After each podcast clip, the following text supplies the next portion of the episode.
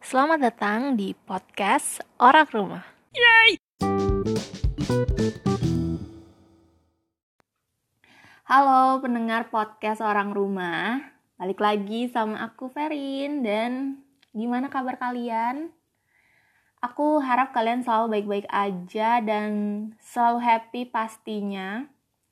Well, hari ini aku mau ngomongin topik yang kalau kalian dengar kata ini, rasanya tuh bikin hati berbunga-bunga, bikin happy pokoknya. Tapi mungkin kalian malah ngerasa sebaliknya. Hmm, gak tahu sih. Oke, jadi topik kali ini adalah tentang cinta. Science behind love. Dan disclaimer sedikit, kenapa aku mau ngomongin hal ini. Ini tuh bukan karena aku pro banget dalam percintaan, enggak, enggak sama sekali tapi karena ternyata nih efek cinta tuh bagus banget buat kesehatan mental.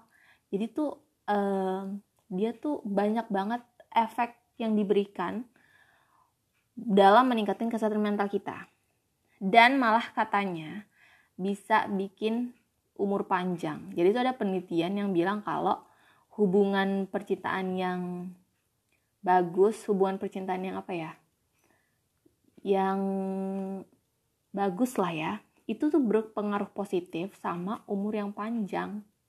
Jadi secara nggak langsung cinta itu memberikan umur panjang gitu deh nah kalau ngomongin tentang science behind love pasti nggak jauh-jauh dari teori yang satu ini. Teorinya Steinberg yang the triangular theory of love. Jadi itu ada hal yang menarik sih dari terbentuknya teori ini. Uh, jadi Steinberg ini dulu tuh dia punya love life yang kayak jelek banget. Sampai yang dia tuh di titik aduh kenapa sih kok love life gue gini banget? Nah habis itu tuh dia kayak oke okay, ini gue nggak bisa nih kayak gini terus. Terus dia tuh mencari tahu dia mempelajari tentang teori cinta ini dan akhirnya ketemu nih tiga komponen yang ngebentuk cinta ideal. Komponen pertama adalah intimasi keintiman perasaan dalam suatu hubungan yang akhirnya meningkatkan keintiman, kedekatan, keeratan, pokoknya bonding, pokoknya emotional closeness lah. Jadi ada nih di satu YouTube gitu ya. Dia tuh nying, uh, nyingkatin intimacy jadi into me you see. Jadi tuh seberapa baik kamu mengenal pasangan kamu, uh, seberapa tahu kamu tentang perasaan pasangan kamu, ya gitulah into me you see. Keren sih. Nah komponen yang kedua adalah gairah passion. Jadi itu ini ekspresi hasrat dan kebutuhan seksual. Jadi tuh um, apa ya semacam uh, rindu yang mendalam untuk bersatu dengan orang yang dicintai. Jadi bikin kayak pengen deket terus sama pasangan atau orang yang dicintai gitu. Terus kadang kalian suka gak sih kalau misalnya lagi jalan di mall atau di restoran gitu ya. Terus kalian kayak ngeliat muda-mudi, pasangan muda-mudi, jalan gandengan tangan, rangkulan. Nah, itu tuh contoh dari komponen passion sedang bermain dalam hal itu, kayak gitu.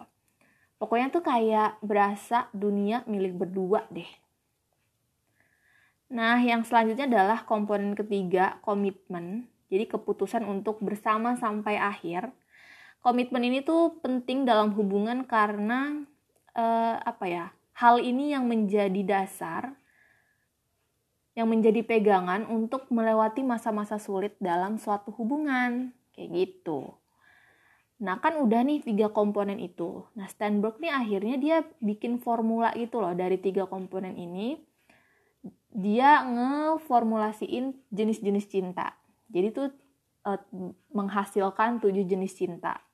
Yang pertama itu adalah friendship love. Jadi tuh di sini cuman ada komponen intimacy, nggak ada komponen passion, nggak ada komitmen. Pokoknya cuman keintiman aja.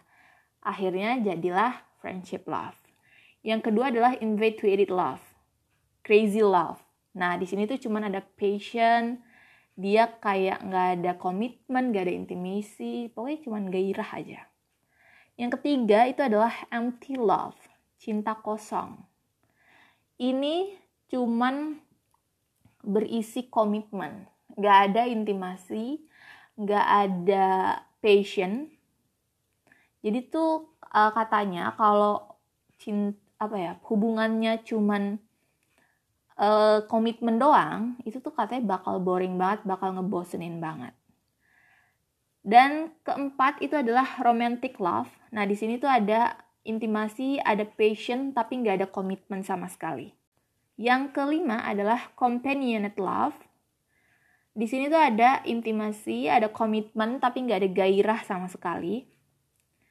Yang keenam itu ada foolish love atau fatuousness love. Di sini cuma ada passion, ada komitmen, tapi nggak ada keintiman sama sekali.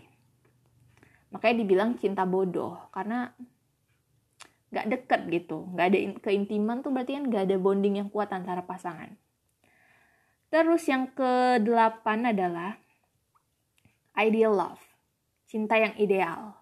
Nah, ini yang mengandung ketiga komponen itu. Ini yang dibilang sama Steinberg kalau cinta tuh harus ideal, harus mengandung uh, intimasi, passion, sama komitmen.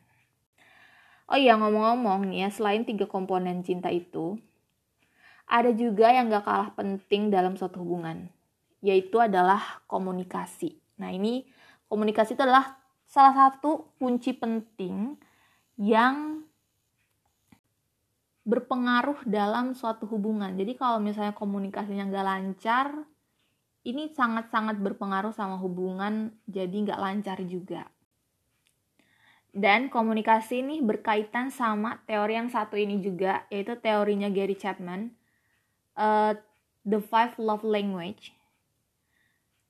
Jadi kalau kata Gary Chapman, people speak different love language. Katanya gitu, setiap orang membahasakan cinta dengan berbeda-beda. Jadi tuh kalau diibaratin kalian nih, misalnya kayak ngomong sama orang yang kalian gak ngerti bahasanya, itu kan frustasi banget gak sih?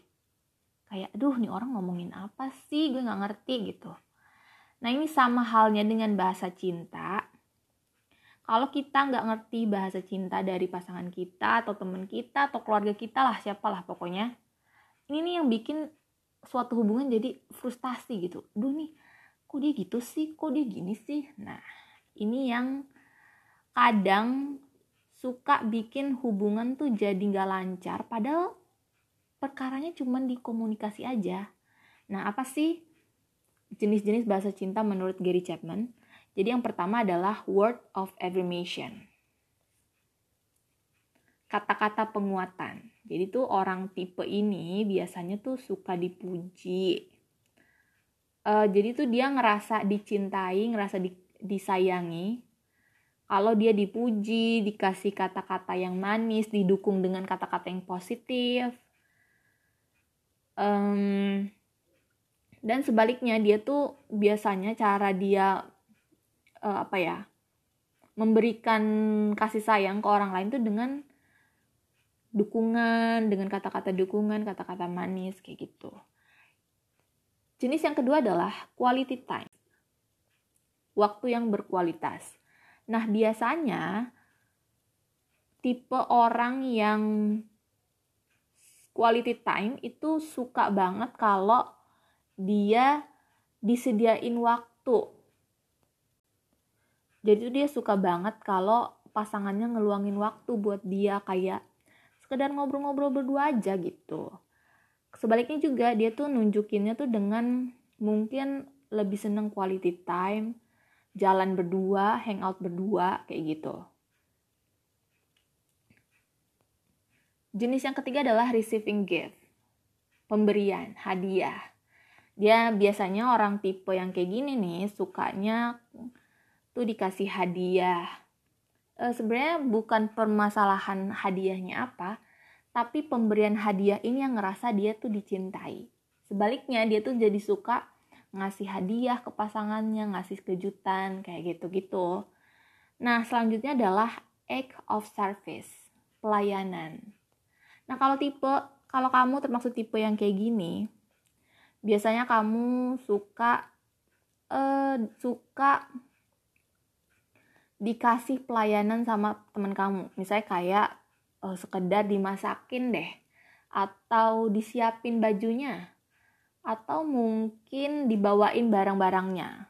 Sesimpel itu. Sebaliknya kalau misalnya kamu tipe orang kayak gini kamu juga menunjukkan kasih sayang atau rasa cinta kamu tuh dengan cara uh, memberi pelayanan ke pacar kamu. Dan yang terakhir adalah physical touch. Nah, kalau physical touch ini biasanya tipe orang yang kayak gini nih suka dengan sentuhan-sentuhan fisik, kayak misalnya pegangan tangan atau rangkulan, peluk kayak gitu-gitu. Dia tuh ngerasa banget istimewa kalau diperlakukan seperti itu. Sebaliknya, kamu juga tuh memperlakukan orang yang kamu sayang. Jadi uh, dengan memberikan sentuhan-sentuhan fisik. Nah, itu dia 5 bahasa cinta menurut Gary Chapman. Menurut kamu bahasa cinta kamu yang mana nih? Dan segitu aja podcast kali ini. Ketemu lagi di podcast selanjutnya. Dan thank you buat udah ngedengerin podcast ini. Bye.